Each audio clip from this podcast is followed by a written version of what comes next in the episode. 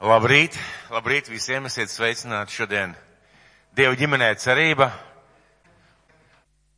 Es gribu jums parādīt trīs lietas, ko zinātnieki ir izdomājuši, savā prātā domājuši, tam tā vajadzētu būt, un viņi ir izdomājuši.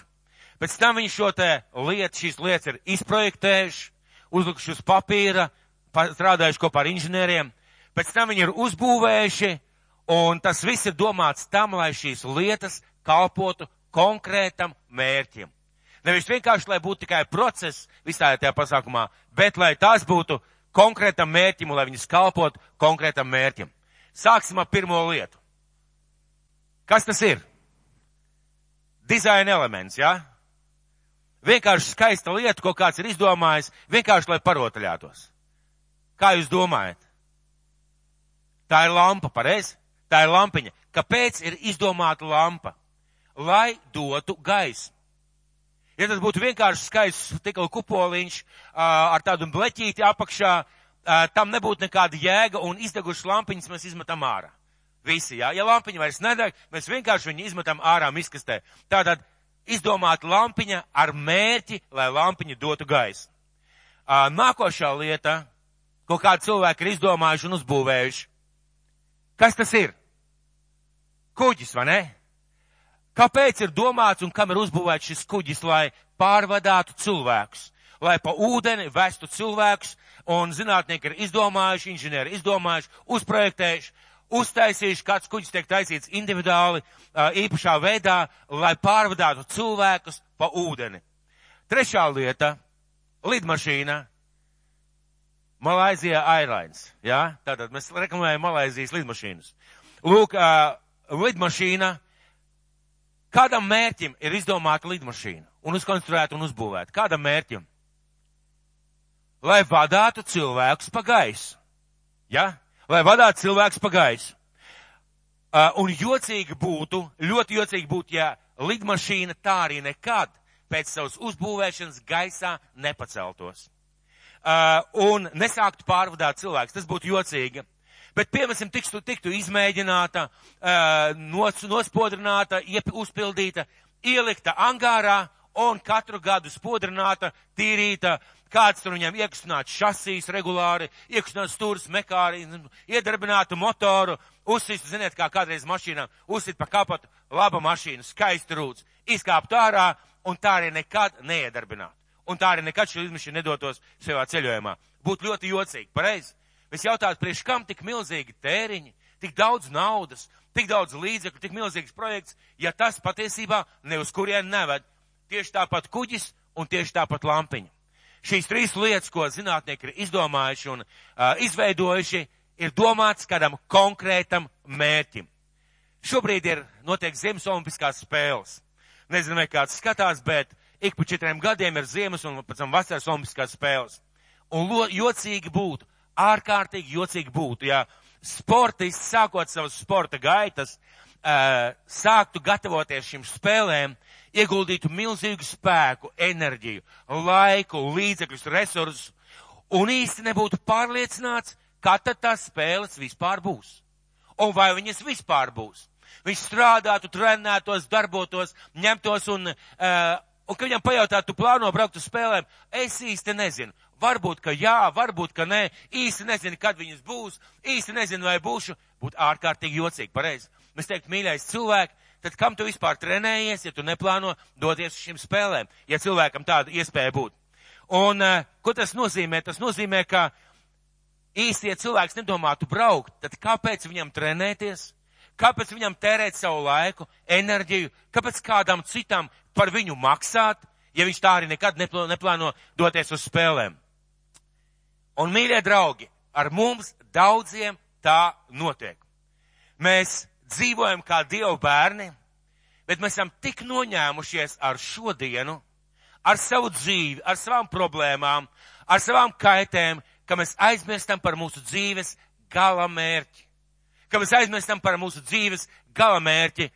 Un tāpēc vārds, ar kuru šodien es dalīšos, saucās dzīmis mūžībai. Es domāju, ka daudz reiz arī saprata dzīmis mūžībai. Uh, visiem zināma vieta. Jāņa evaņģēlijas 3.16. Mēs bieži sakam to cilvēkiem, bieži atgādinām viens otram, runājam divkalpojumos. Jāņem Anģēlijas 3. nodaļa, 16. pants. Daudz zina no galvas, jo tik ļoti Dievs pasauli mīlēja, ka viņš devis savu vienpiedzimušo dēlu, lai neviens, kas viņam tic, nepazustu, bet dabūtu mūžīgo dzīvu, dzīvību. Lai dabūtu ko?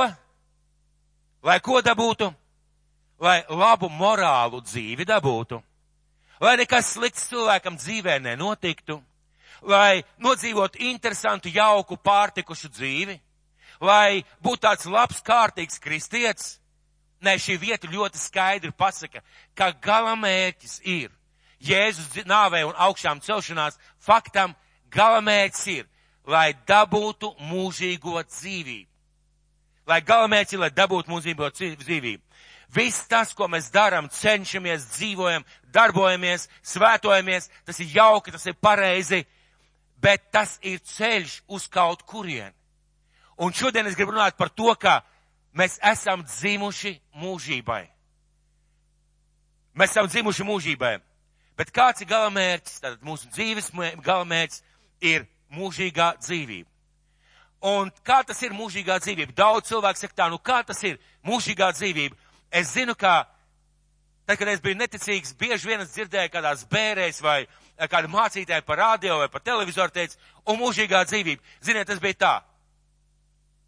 Nu, kas tas ir mūžīgā dzīvība? Ā, tas tāpat kā priestrim tas baltais šitas te, jā, vai kā galtai, baltais talārs.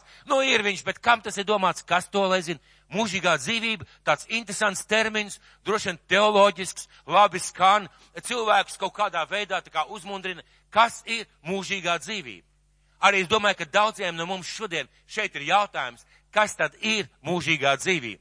Tas ir tad, kad tu nomirsti kā ticīgs cilvēks, vai nu sagaidi Kristus atnākšanu, vai aizēj mūžībā kā kristietis, kā ticīgs cilvēks, nodzīvojot ticīgu cilvēku dzīvi, tu celies augšā, kad Jēzus nāk, lai valdītu, un ir jaunas debesis, un ir jauna zeme, kā Bībele to saka, un tu, tavs gars, tava dvēsele un tava miesa ceļās augšā, atjaunota miesa, pārveidota miesa, bet tev ar tev raksturīgajām īpatnībām, tu atpazīsti sevi, varbūt nezinu, vai būs tajā laikā spoguļi, tu dzīvo mūžīgi un nekad vairs nenoveco, nekad vairs neslimo un nekad vairs nenomirst.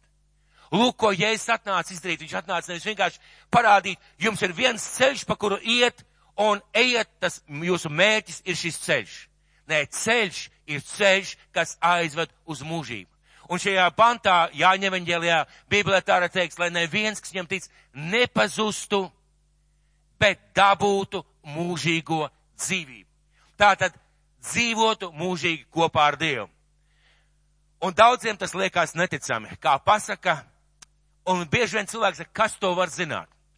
Bija kāds festivāls, kurā mēs piedalījāmies, un es biju kā, mēs ar sievu bijām kā šitie padomdevēji. Un viens no jautājumiem, kas bija tā kā sagatavots, un visiem bija vajadzēja uzdot tiem cilvēkiem, kas izgāja priekšā un pieņēma Kristu un nožēloja grēkus, uh, viens no šiem jautājumiem bija, vai jūs ticat, ka Dievs jūs paņems un ka jūs dzīvosiet mūžīgi, ka ir mūžīgā dzīvība. Interesants fakts priekš manis, tas bija satriecoši un uh, pārsteidzoši. Kaut kādi 80% no tiem cilvēkiem bija cilvēki no kādām tradicionālām konfesijām. Un, kad šiem cilvēkiem pajautāja, ko jūs izdarījāt, nu es īsti nezinu. Nu, jā, viņi teica, ka es pieņēmu jēzu, vai jūs lūdzāt, lai jēzus ienāk jūs dzīvē? Jā. Vai jūs ticat, ka jums pieder mūžīgā dzīvība? A, kas to var zināt? A, kas to var zināt? Nu, kas to var zināt? Nu, Dievs to var zināt, protams. Nu, ja Dievs to var zināt, tad mēģināsim skatīties, ko tad Dievs saka par mūžīgo dzīvību. Un daudziem, kā es teicu, liekas neticami, tas liekas kā pasaka, kas to var zināt, un cilvēki dzīvo tādā, tādā miglainā neskaidrībā ar miglainu nojautu, var būt, ka kaut kad, kaut kā, un mācītājs jau bieži piemin vārdus mūžīgā dzīvība, bērēs vispār lieliski par to runāt. Bet, mīļie draugi, tas ir pats ticības stūrakmens. Tas ir pats ticības stūrakmens, ka Jēzus ne tikai atnāca uz šo zemi kā Dieva dēls, ka viņš ne tikai mācīja Dieva ceļus cilvēkiem, ka viņš ne tikai nomira par mūsu grēkiem, bet ka viņš cēlās augšā kā pirmais no mirušajiem. Un kā pirmais no mirušajiem parādīja, kas notiek pēc nāves tam cilvēkam, kas tic uz Dievu.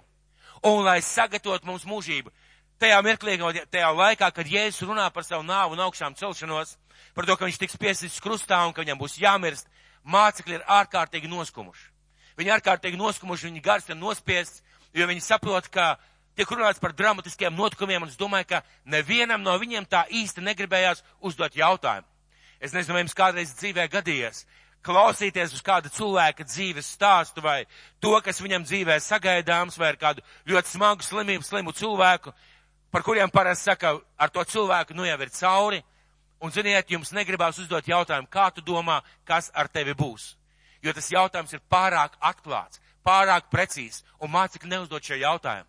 Un, ja es saku, es skatos, jūs esat noskumuši, es tagad saviem vārdiem, bet neesiet noskumuši. Es aizēju jums vietu sataisīt. Un, kad es būšu vietu sataisījis, es nākšu pie jums, ņemšu jūs mājās, lai tur, kur es esmu, arī jūs būtu. Viņš ļoti skaidri un vienkāršiem vārdiem pastāst par mūžīgo dzīvību, lai tur, kur es esmu, lai arī jūs būtu. Un mēs zinām, ka Jēzus cēlās augšā un ka viņš ir mūžīgs Dievs, ka viņš nekad nemirst. Lai visiem, kas tic, dotu mūžīgo dzīvību, lai cilvēkus sagatavotu mūžībai. Ko Jēzus pats teica par mūžīgo dzīvi? Jāņem evaņģēlijas, 5. nodaļa, 24. pants. Viņš runā ar cilvēkiem, kas netic, kas apšauba, kas uh, kritizē viņu mācību un viņu pašu. Un lūk, 24. pantā Jāņa evaņģēlijā 5. nodaļā. Viņš saka tādus vārdus. Patiesi, patiesi, divas reizes. Patiesi, patiesi, es jums saku, kas manus vārdus dzird un tic tam, kas mani ir sūtījis, tam ir mūžīgā dzīvība un tas nenāk tiesā, bet no nāves ir iegājis dzīvē. Ja es ļoti skaidri saku, kas tic tam, kas mani ir sūtījis, tam ir mūžīgā dzīvība, un tas ir, nenāk tiesā, bet ir iegājis mūžīgajā dzīvībā. Apstulis Pāvils. Mēs reizēm lietojam vārdus apstulis Pāvils, apstulis Pēters, Jūda, vēl apstulis Jānis, un mēs bieži vien it kā tādu uztaisam tādu nezinu, kā tādas mītiskas personības, kas runāja. Apostols Pāvils bija cilvēks, tāds pats kā mēs, ar pieciem pirkstiem katrai rokai, divām ausīm, vienu degunu, kā mēs saprotam, Bībelē rakstīts. Reāla personība, kas vēsturiski pierādīts, ir bijis un darbojies. Un viņš raksta vēstuli romiešiem, Romas draudzē, tādiem pašiem kā mēs, kuriem bija daudz dažādu jautājumu, daudz neskaidrības un vēstuli romiešiem, sestā nodaļa, no 17. līdz 23. pantam.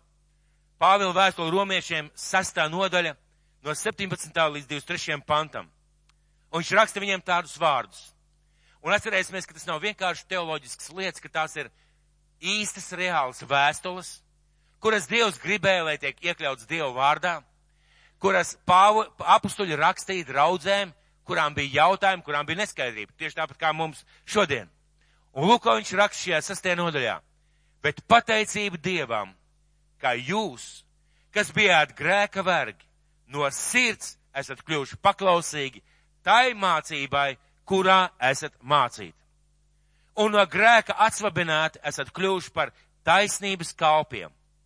Es runāju cilvēcīgi, jūs cilvēcīgās vājības dēļ. Jo tāpat kā jūs sanāk savus locekļus bijāt nodevuši par vergiem netukumīgai vai un netaisnībai, kalpotam netaisnībai, tā tagad nododiet savus locekļus par kalpiem taisnībai, lai kļūtu svēti. Jo kamēr jūs bijāt grēka vergi, jūs neklausījāt taisnībai. Kādi bija jūs toreizējie dzīves augļi, tādi, par kuriem jums tagad jākaunas, viņu gals ir nāve. Bet tagad, kad jūs esat atsvabināti no grēka, un esat kļuvuši par Dieva kalpiem, jūsu iegūms ir svēt dzīve un tās gals mūžīga dzīvība. Un šīs dienas baznīcas lielā problēma, vai viena no problēmām ir, Mēs apstājamies, jūsu dzīves iegums ir svētdzīve un viss. Un cilvēks saprot, ka viņam jādzīvo svēti, bet viņam varbūt, ka nepasaka līdz galam, kāds ir gals svētdzīvei. Un svētdzīves gals ir mūžīgā dzīvība. Pāvils to ļoti skaidri viņam izstāst. Bet, lai iegūtu šo mūžīgo dzīvību, vispirms ir kas jāpiedzimst mūžībai. Tu nevari vienkārši zināt, būs mūžība, aleluja, slava Dievam. Kādam būs, bet vai tev? Kādam būs šī mūžīgā dzīvība? Bībeli to saka skaidri, bet vai tev? Vai tiem cilvēkam, kas tev ir apkārt, un lai iegūtu šo mūžīgo dzīvību, ir jāpiedzimst mūžībai. Lai būtu par Dievu ģimeni, ģimenes bērnu, ja Dievu, ģimene, Dievu ģimenē, ir jāpiedzimst par Dievu bērnu. Un nepietiek ar prātu tikai zināt vai piederēt kādai konfesijai.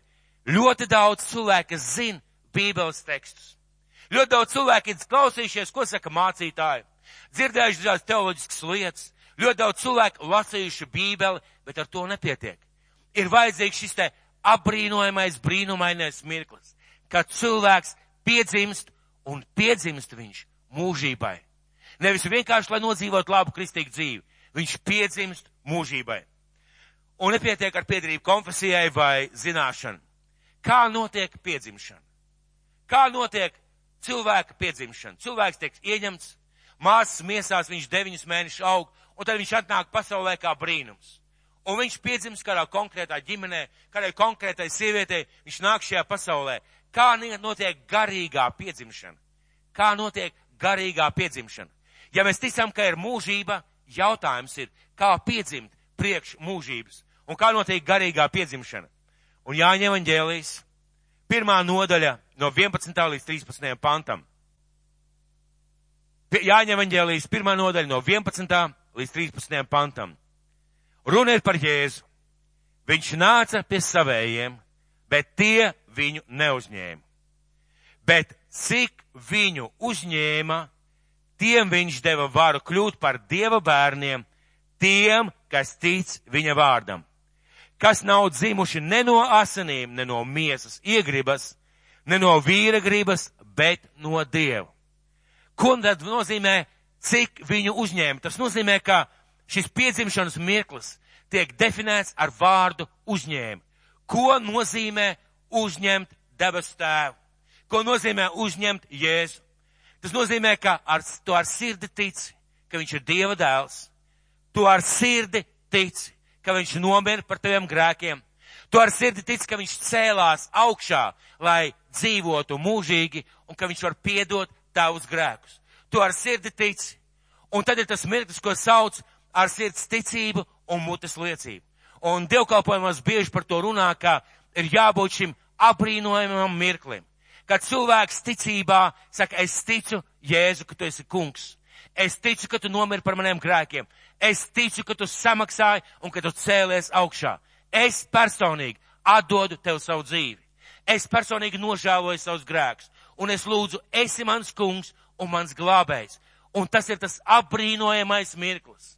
Ja tas notiek pa īstam, ja cilvēks lūdz pa īstam, ja tā ir viņa sirds lūgums un viņa dvēseles kliedziens, tas ir tas apbrīnojamais mirklis, kad cilvēks piedzimst nesvēt dzīvēi, Svēt dzīve ir ceļš, bet cilvēks piedzimst mūžībai. Piedzimst tam, lai dzīvot kopā ar Dievu mūžīgi un nekad nemirst. Un tas ir ļoti svarīgi zināt un saprast. Tu esi piedzimis kam? Ja tu esi Dieva bērns, ja tu esi piedzīvojis Kristus savā dzīvē, ja tu esi atdevis viņam savu dzīvi, kam tu esi piedzimis? Kam tu esi piedzimis? Droši pasaki. Mūžībai. Mēs droši varam teikt, mēs esam piedzimuši mūžībai. Ticiet vai neticiet, ka tev ir 20 gadi, tev liekas, vai tie 30 gadnieki tādi veči, ārprāts, ko ar tādiem var vairs pasākt. Kad tev ir 30 gadi, tev liekas, nu 40 gadi, nu tad jau gan, nu tagad ko te vēl, nu es vēl tāds jauns un sprauns, kad tev ir 40 gadi, tu domā, nē, nu tie 50 gadnieki, tie gan, mīļie, man jau ir 55 gadi. Es vēl netaisos uz mājām, nepriecājieties, bet, bet tu sāc saprast, ka ja dzīve būtu viss, tas būtu tik skumīgi. tad patiesībā tas būtu tik traģiski, ka tev 20 gadi tev liekas jūra līdz ceļiem, es vēl dzīvē visu kaut ko sadarīšu, man visu savu priekšā, un tā ir taisnība. Bet, kad tev ir 50, 60 vai 70, tu sāc saprast, cik labi, ka ir mūžība. Cik labi, ka ar to tas viss nebeidzās. Cik labi, ka viss, ko esmu palaidis garām, vēl nav palaists garām. Man taču ir vēl cerība, jo, redz, mūžībā es nenovecošu. Jēzus teica, ka mūžībā es vairs nekad nemiršu. Jēzus teica, ka mūžībā būs jaunas debes un jauna zeme. Halleluja! Es visu varēšu sākt no nulles. Un izrādās, tas bija tikai ģenerāla mēģinājums, bet ģenerāla mēģinājums jānodzīvot cienīgi. Jo, ziniet, debesis ir sagatavots priekš tiem, ja mūžība ir sagatavota priekš tiem, kas ir sagatavoti mūžībai. Un tā ir liela starpība. Mēs piedzimstam priekš mūžības, bet ir kāds laiks, kad mēs gatavojamies, lai ieiet mūžībā. Es nezinu, kā jūs, bet kad Bībele saka, kad Bībele saka, ka mēs debesu valstībā kaut kādā mirklī ne jau visu laiku, mēs nedziedāsim visu laiku, būtu ļoti skumīgi, visu laiku dziedāt. Bet Bībele rāda vienu vietu, kad daudz tautas stāv Dievu priekšā un dzied Dievam slavas dziesmu. Dzied Dievam slavas dziesmu. Ko tas nozīmē? Tas nozīmē, ka man sevi jāierauga tajā pulkā. Man sevi jāierauga tur, jo tas dod man ne tikai šodien šeit cerību, kungs palīdzēs, bet tas dod man cerību, būs mirklis, kad es dziedāšu slavas dziesmu Dievam, un ziniet, kāpēc es dziedāšu. Hu, tie 80 vai 100 gadi. Izrādās, tas bija tikai sākums. Izrādās, neko neesmu palaidis garām. Izrādās, viss, kas man neizdevās, es tagad varu realizēt. Vai tas nav fantastiski? Vai tas nav tas, ko Jēzus gribēja pateikt cilvēkiem, runājot ar vārdiem mūžīgā dzīvība? Sakiet, kā lai vēl izskaidro? Kā lai vēl izskaidro šo jēdzienu mūžīgā dzīvība? Mūžīgi tas nozīmē nekad nebeidzās un dzīvība tu dzīvo. Nu kādos vārdos vēl lai ietērp? Un cilvēki reizēm domā, kas tas ir mūžīgā dzīvība? Jāpaskatās svešvārdu enciklopēdijā. Kas tas īsti ir mūžīgā dzīvība? Ā, kristiešu doktrīna, nu, lai Dievs ar to doktrīnu, uz man tas neatiecās. Es domāju, ka tajā mirklī, kad cilvēks nonāks mūžībā ar Dievu vai bez Dievu, visi būs ārkārtīgi priecīgi un pateicīgi, kuri piedzīvos Dievu godību un to, ka viņi piedara Kristum. Tie, kas nepiedzīvos, kā Bībele saka, viņi sapratīs, ka viņi palaiduši garām vienīgo reālo iespēju atdot savu dzīvi Kristum un dzīvot mūžīgi kopā ar Dievu. Tātad, kam esam piedzimuši? Kam tu esi piedzimis? Mūžībai. Vai mēs varētu vēlreiz? Tev uz ielas kāds pajautā, kam tu esi piedzimis, priekš kam tu esi piedzimis? Ko tu teiksi? Mūžībai. Nu jau bija labāk. Es ticu, ka mēs zinām par mūsu galamērķi. Un ka mums ir svarīgi koncentrēties, lai sasniegtu šo galamērķi. Tas ir neizsakām svarīgi zināt šo galvmērķi un koncentrēties, lai viņu sasniegtu. Apstols Pāvils to zināja. Un viņš ne tikai zināja, viņš tā dzīvoja. Kad jūs uh, lasat viņa vēstules, ir kāda, vien, kādā vienā no vēstulēm ļoti interesanti vārdi. Viņš raksta tā, dzīvot man ir Kristus un mirt ieguvums. Dzīvot man ir Kristus un mirt ieguvums. Un tad viņš saka, es nezinu, ko lai es izvēlos. Jo mirt, ja teiksim, būt ar to kungu ir neizsakāmi labāk. Bet jūsu dēļ man vajadzētu palikt. Nu, izskatās, ka es laikam tomēr izlēmšu palikt. Teologs saka, ka apustulim Pāvilim bija tāda garīga autoritāte, ka tas zināmā mērā pat varēja būt atkarīgs no viņa. Vai viņš izvēlās būt ar to kungu, vai viņš izvēlās palikt. Viņš izvēlējās palikt, jo viņš saprata, ka viņa kalpošana ir vajadzīga tiem cilvēkiem uz to laiku. Un lūk, šis cilvēks, šis cilvēks, viņam ir ļoti liela skaidrība. Kāpēc viņam ir liela, ļoti liela skaidrība atšķirībā no mums daudziem? Viņš Jēzus satika personīgi. Ka viņš raksta par Jēzus augšām celšanos kādā no vēstulēm. Viņš raksta, ka vispirms viņš parādījās brāļiem, 12 brāļiem, tad kopā 500 cilvēkiem, tad vēl kādiem un kā pašam pēdējam nelaikā dzimušajam man. Vai viņš domāja tādu, tādu uh, satikšanos, es lūdzu Dievu un pēkšņi sajūtu, ka Dievs ir. Un ka viņš ir tepat blakus. Kā jūs domājat, vai viņš runā par tādu satikšanos? Viņš runā reāli par to, ka viņš redzēja Jēzu Kristu augšām celtos. Celto. Viņš runāja ar viņu, kad mēs lasām apstuļu darbu vēstulē, kā viņš satikās pēc savas atgriešanās, tā ir reāla saruna starp divām personām. Un Pāvils tic šai mūžīgai dzīvībai, jo viņš redzēja Kristu, viņš piedzīvoja, un viņš saņēma vārdus un vēsti, ko sludināt. Un lūk, vēstulē korintiešiem, vēstulē korintiešiem, pirmā no, pirmā vēstule korintiešiem, 15. nodaļa, sākot no 12. līdz 19. pantam. Vēstule korintiešiem, pirmā vēstule korintiešiem, 15. nodaļa, no 12. līdz 19. pantam. Viņš raksta vēstuli Korintas draudzē, cilvēkiem, kuriem ir daudz neskaidrības ar mūžīgo dzīvību, kuriem ir jautājums, vai ir miroņa augšām celšanās, vai nav, vai Kristus ir cēlies, vai mēs celsimies. Viņš raksta viņiem vēstuli, un šajā vēstulē ir 15. nodaļa, un sākot ar 12. pantu. Ja tad par Kristu sludina, ka viņš ir augšām cēlējis no miroņiem, kā tad daži jūsu starpā saka, ka nesot miroņu augšām celšanās? Ja nav miroņu augšām celšanās, tad arī Kristus nav augšām cēlies. Un ja Kristus nav augšām cēlies, tad veltīgi ir mūsu sludināšana un ir veltīga jūsu ticība. Viņš saka, ja nav Kristus augšām celšanās, Veltīgi jūs svēta dzīvojat. Veltīgi jūs mokat sevi, atsakoties no kaut kā, cenšoties darīt labu, ziedot, kalpojot Dievam, lūdzot Dievu. Ja nav augšām celšanās, tad tas būtu bijis pavelti. Tad jau mēs būtu Dieva viltus liecinieki. Jo mēs esam liecinājuši par Dievu, ka Viņš Kristu ir uzmodinājis, bet Viņš to nebūtu uzmodinājis, ja jau nav miroņu augšām celšanās. Jo ja mirušie netop uzmodināti, tad arī Kristus nav uzmodināts. Un ja Kristus nav uzmodināts, tad veltīga ir jūsu ticība, tad jūs vēl esat savos grēkos. Tad arī tie ir pazuduši, kas Kristu aizmiguši. Viņš runāja, ja nav kri, e, miroņa augšām celšanās kā tādas, tad arī Kristus nav augšām cēlies. Un ja Kristus nav augšām cēlies, tad ko te mēs vispār šeit daram? Tātad par ko tam mēs vispār runājam tagad, mīļā Korintas draudze? Un tad viņš saka tādus vārdus. Ja mēs tikai šī dzīvē vien ceram uz Kristu, tad esam visnožēlojamākie cilvēki. Ko nozīmē šie viņa vārdi? Ja mēs tikai šajā dzīvē vien ceram uz Kristu. Ja mēs tikai šajā dzīvē vien, ko tas nozīmē? Domājam tikai par šīs zemes dzīvi. Viss labais ir vajadzīgs tikai tagad. Dziedināšana ir vajadzīga tagad. Brīvība ir vajadzīga tagad. Svētības ir vajadzības tagad. Uh, palīdzība ir vajadzīga tagad. Aizsardzība ir vajadzīga tagad. Un kad mēs kaut ko tādu nesaņemam, mēs krītam panikā. Jo ja tagad tas nenotiek un ir tikai tagad, tad ak, mēs nabaga cilvēki. Un viņš tālāk saka, 19. pantā turpina, ja mēs tikai šajā dzīvē vien ceram uz Kristu, un tad viņš turpina, tad esam visnožēlojamākie cilvēki. Ko nozīmē, vai ko viņš domāja visnožēlojamākie cilvēki?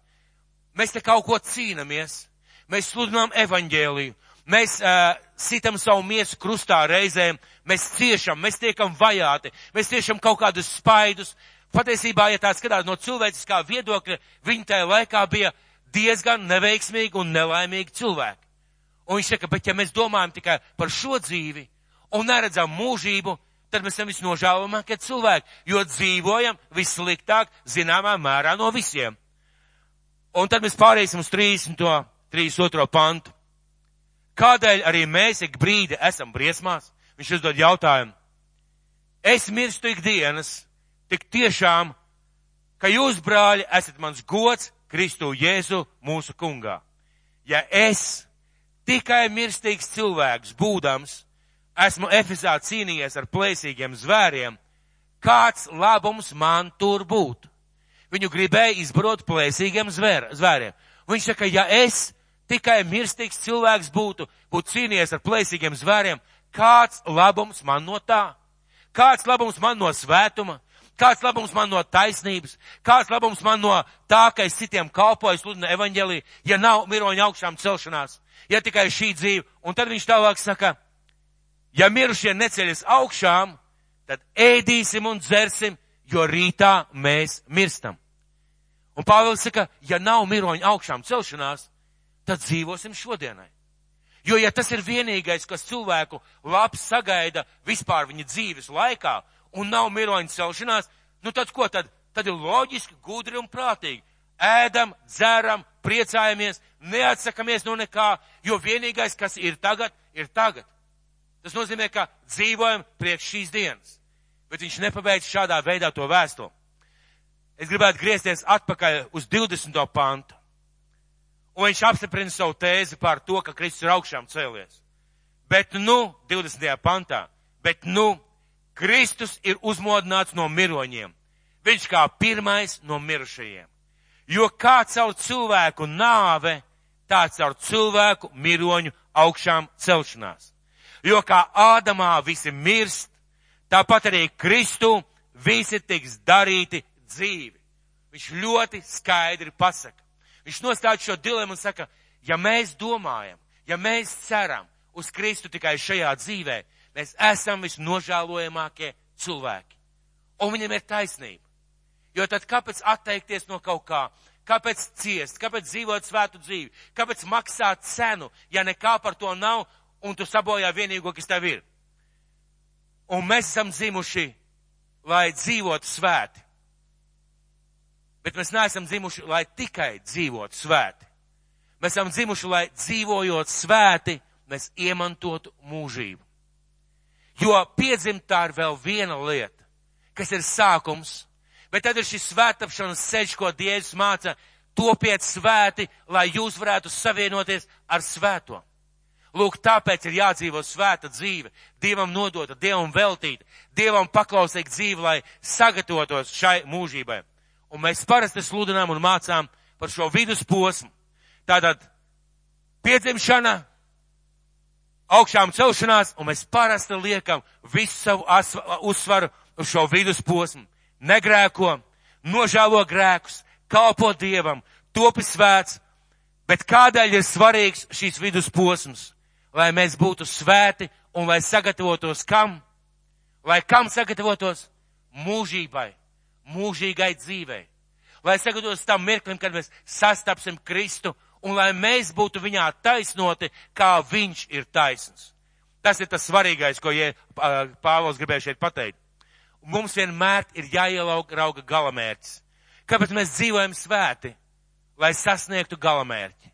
Uz, un galamērķis ir mūžīgā dzīvība ar Jēzu Kristu. Daudzi cilvēki nespēja dzīvot svētu dzīvi, Dievam veltīt dzīvi, ja Dievam pateikam dzīvi, jo ļoti ir koncentrējušies uz to, ko var dabūt no Dieva šodien. Ko var šodien saņemt? Kas, ko man Dievs šodien palīdzēs? Kā man viņš palīdzēs? Ko man viņš iedos? Un ja Dievs neiedod, ja kaut kas notiek ne tā kā es domāju, ja kaut kas nav tā kā man gribētos, es viļos, es uh, sāku domāt, es sāku filozofēt, es sāku meklēt risinājumus, kā savu dzīvi personīgo uzlabot vai izmainīt, jo ir taču tikai šodien. Ja nav skaidrs par rītdienu, par mūžīgo dzīvību, ir taču tikai šodien, un man taču ir jāizdzīvo savu dzīvi šodien. Loģiski un it kā sakarīgi un saprotam. Daudz veci cilvēki nav gatavi doties mūžībā. Viņi pukst par slimībām, lai Dievs svētī vecus cilvēkus. Viņa kurnu uz Dievu, ka Dievs nav dziedinājis. Viņa kurnu uz Dievu, ka nav tāda dzīve izdevusies. Viņa kurnu par to, ka nu jau dzīve ir pagājusi, un viņa nav gatava doties mūžībā. Kaut gan. Viņu dzīve liecināja par to un liecina, ka viņa ir sagatavota mūžībai. Bet cilvēks nav gatavs, jo viņš īsti netic, kas tur sagaida. Viņš netic, kas tur sagaida. Daudz cilvēki pat reizēm bieži vien pat atkrīt no Dieva pēdējās dienās, ja tā varētu teikt, tāpēc, ka viņi netic, ka viņi iet mājās pie sava tēva. Un ja viss jau ir nodzīvots, ko Dievs labo bija iedevis, tad ir šausmas. Tad nekur vairs nevar iet. Tad ir izmisums, tad ir bēdas, tad ir kurnēšana. Kā Dievs to pieļāva, kāpēc Dievs to nedarīja. Bet mums ir jāsaprot, ka priekšā mums gaida mūžība. Un vēl daudz cilvēku nav gatavi pieņemt kāda jaunāka cilvēka aiziešanu vai kādu traģēdiju, traģēdiju, ja kāds cilvēks aiziet mūžībā, jo ir tikai viens variants. Dievs dziedini šo cilvēku. Vai Dievs tev augšā to cilvēku? Viens variants, ja nav mūžības. Viens variants. Un ja Dievs nedziedina, vai ja Dievs neuzmodina no mirušajiem, ir traģēdija. Es dzirdēju kādu liecību no kādas mācītājas Krievijā. Viņa teica, tas diezgan garš stāsts, tāds mācības seminārs, bet tas stāsts sekojuši tāds. Viņu draudzē, tā ir liela draudze, bija kāds cilvēks, kuram bija pajauns cilvēks, kuram bija ģimene, mazi bērni, un notiek avārija. Notiek avārija, un šī avārija ir tik smaga, ka viņa dzīvība karājās uz nāves, uz nāves un dzīvības robežas. Draudze lūdz, draudze gavē, draudze iestājās, draudze tāda kārtīga draudze. Un Dievs nedziedina. Šis cilvēks nomirst. Un viņi saka, un notiek bērs. Un bērs viņam bija noteikti, eh, kā dievkalpojuma laikā, tad atvedās no šī cilvēka. Un viņa, viņa, viņa stāsta tā, jums jāsaprot šī garīgā atmosfēra. Uh, blakus telpā, ja nemaldos, ir zārks un notiek dievkalpojums. Un šī mācītāja saka, mēs izējām, lai dziedātu slavas dziesmas diev, dievam, neviens nespēja padziedāt. Viņš saka, mēs gribam sludināt, neviens īsti nevar parunāt. Visu draudzi pārņēmus panika, izmisums, tāda nospiestība, jo Dievs nedziedināja, Dievs necēla augšā, un viņi saka, šis notikums viņu ļoti, ļoti iespaido, un Dievs pēc kādu laiku uz viņu runā. Draudze neizturēja eksāmenu. Ziniet, kādu eksāmenu viņi neizturēja? Viņi neticēja mūžībai. Viņi neticēja, ka Dievs zināja, kāpēc šis cilvēks dodas nevis pazušanā, nevis projām kaut kādā tumsā, bet pie sava debesu tēva. Un Dievs viņai saka, draudze neizturēja eksāmenu, bet gatavojieties. Vēl būs kāds eksāmens. Un viņa teica, es jau tajā diskā, viņa saka, es jau zināju, ka priekšā kaut kas gaida. Viņš saka, pagāja seši vai septiņi gadi. Un notiek līdzīgs gadījums, jo draudze ir liela. Notiek līdzīgs gadījums un arī pajauns cilvēks. Viņš saka, bet tagad viņi bija runājuši ar vadītājiem, ar līderiem. Viņi bija runājuši par to, kāpēc. Vai Dievs bija nomiris tajā dievkalpojumā? Vai Dievs bija bijis neusticams? Vai Dievs mums bija piekrāps, ka viņš necēla augšā šo cilvēku? Nē, Dievam ir zināms veids, kāpēc šis cilvēks aizgāja. Viņi bija runājuši. Un atnāk pēc sešiem vai septiņiem gadiem līdzīgs gadījums. Viņš teica, un tagad bija savādāk. Teica, un tagad bija savādāk. Blakus telpā stāvēja šis dārgs, un vesela grupa cilvēkiem lūdza un gavēja, lai Dievs ceļ augšā šo cilvēku. Bet zālē visi ar triumfu slavēja Dievu par to, ka viņš ir mūžīgs, ka viņš dod cilvēkiem mūžību, ka Dievs ir uzticams, ka viņš nekad nenokavē un nepalaiž neko garām. Draudze slavēja un pagodināja Dievu, jo Dievs nav miris. Dievs ir dzīvo Dievs, nevis mirušo Dievs. Un šis cilvēks, diemžēl, bet arī aizgāja mūžībā. Bet viņi teica, mēs izgājām no šī pārbaudījuma kā uzvarētāji. Un Dievs mums kaut ko parādīja un iemācīja. Šī dzīve nav viss. Mums nav atbilžu visiem jautājumiem. Mums nav risinājumu visām lietām, bet šī dzīve nav viss, jo priekšā ir mūžīgā dzīvība. Un mēs, mīļie draugi, esam dzimuši mūžībai. Nevis tikai, lai nodzīvotu svētu dzīvi, nevis tikai, lai nokalpotu Dievam šeit uz šīs zemes, bet lai nodzīvotu svētu, izcilu izaicinājumiem, pārbaudījumiem, grūtībām, uzvarām un cīņām, mērķtiecīgu, labu, brīnišķīgu dzīvi nodzīvot. Un lai pēc tam atvarot durvis, ieietu mūžībā. Es jau kādā iepriekšējā dievkalpojumā teicu, kristietis neaiziet pensijā, jo pensija ir beigas darba dzīvē. Kristietis varbūt sāk savādāk kalpot, bet kristietis patiesībā līdz pēdējai elpas vilcienam viņam ir iespēja palikt ierindā. Un tad, kā Pāvils rakstīja savā vēstulē, Timotejam viņš saka, savu skrējienu esmu noskrējis, ticību esmu turējis, atliek man tikai saņemt godības vainagu. Tas ir tas, ko Dievs mums grib iemācīt, runājot par mūžību. Ka šī dzīve, ja tev ir 70 gadi, viss kārtībā, nekas nav beidzies, tev priekšā gaida mūžība. Un kas ir interesanti? Iedomāsimies sevi, ka mēs dodamies mūžībā. Rīt no rīta Mēs vairs nepamostamies. Visi ir panikā, visi izsaka viens otram līdzjūtību. Nezinu, kā tas būtu iespējams, protams, ja pēkšņi visi dotos mūžībā, kā var izteikt līdzjūtību, bet pieņemsim. Un tagad skaties. Tu satiecies ar Kristu, Tu redz Kristus otro atnākšanu no debesīm, no kaut kurienes tu skaties. Pēc tam ir Kristus valdīšanas sākums. Tavs gars, dvēsele un atjaunotā miesa savienojās. Tu dzīvo simts gadus un nekas nenotiek slikts ar tevi. Tu dzīvo 500 gadus un pēc 500 gadiem tu sev ieknieb, paskaties spogulī, hei, nekas nav mainījies. Tu dzīvo tūkstoši gadus, pēc tūkstoši gadiem tu domā, nevar būt. Jāpaskatās divreiz spogulī, jo tagad, kad es skatos spogulī, es nepazīstu to cilvēku, kam es dzanu bārdu.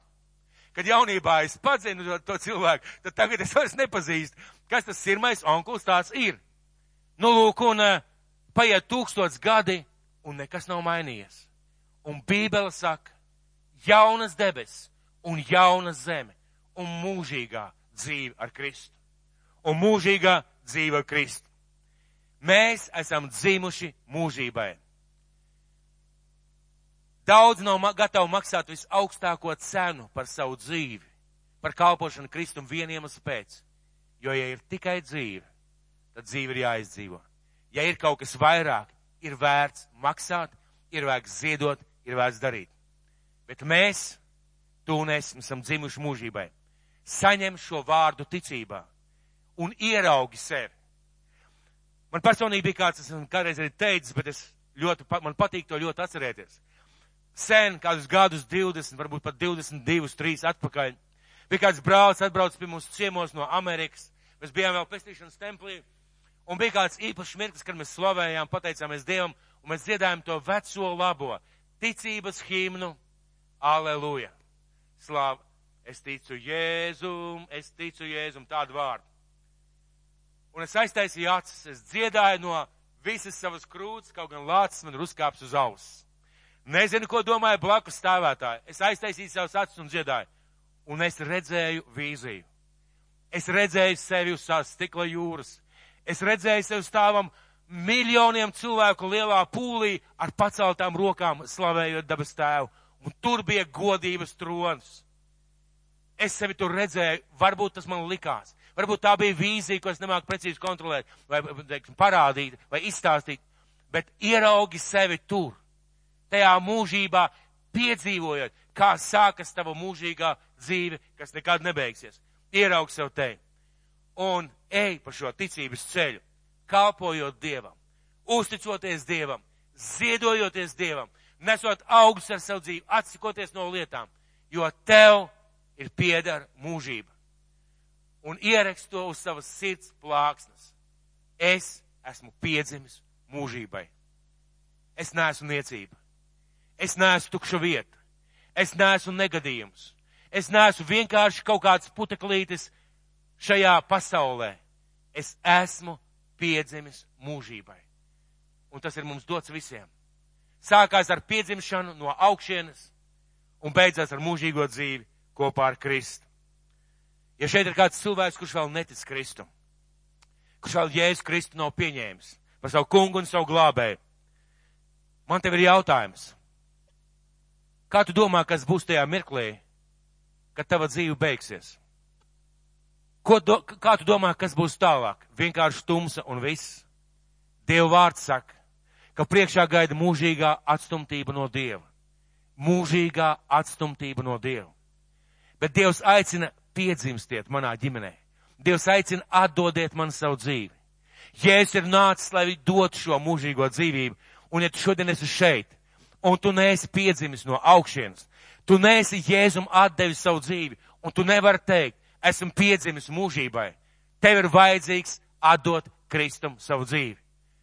Un tas sliktākais, kas ar tevi var notikt pēc tam, pats sliktākais, kas ar tevi var notikt pēc tam, tu vari tikai nomirt, bet tu dzīvos mūžīgi. Un tas patiesībā ir viss. Tev ne no kā vairs nav jābaidās. Lai Dievs mūs svētī vienu. Lai Dievs svētī vienu, ka mēs saprotam, ka esam dzimuši mūžībai un dzīvosim kā tādi, kas ir dzimuši mūžībai.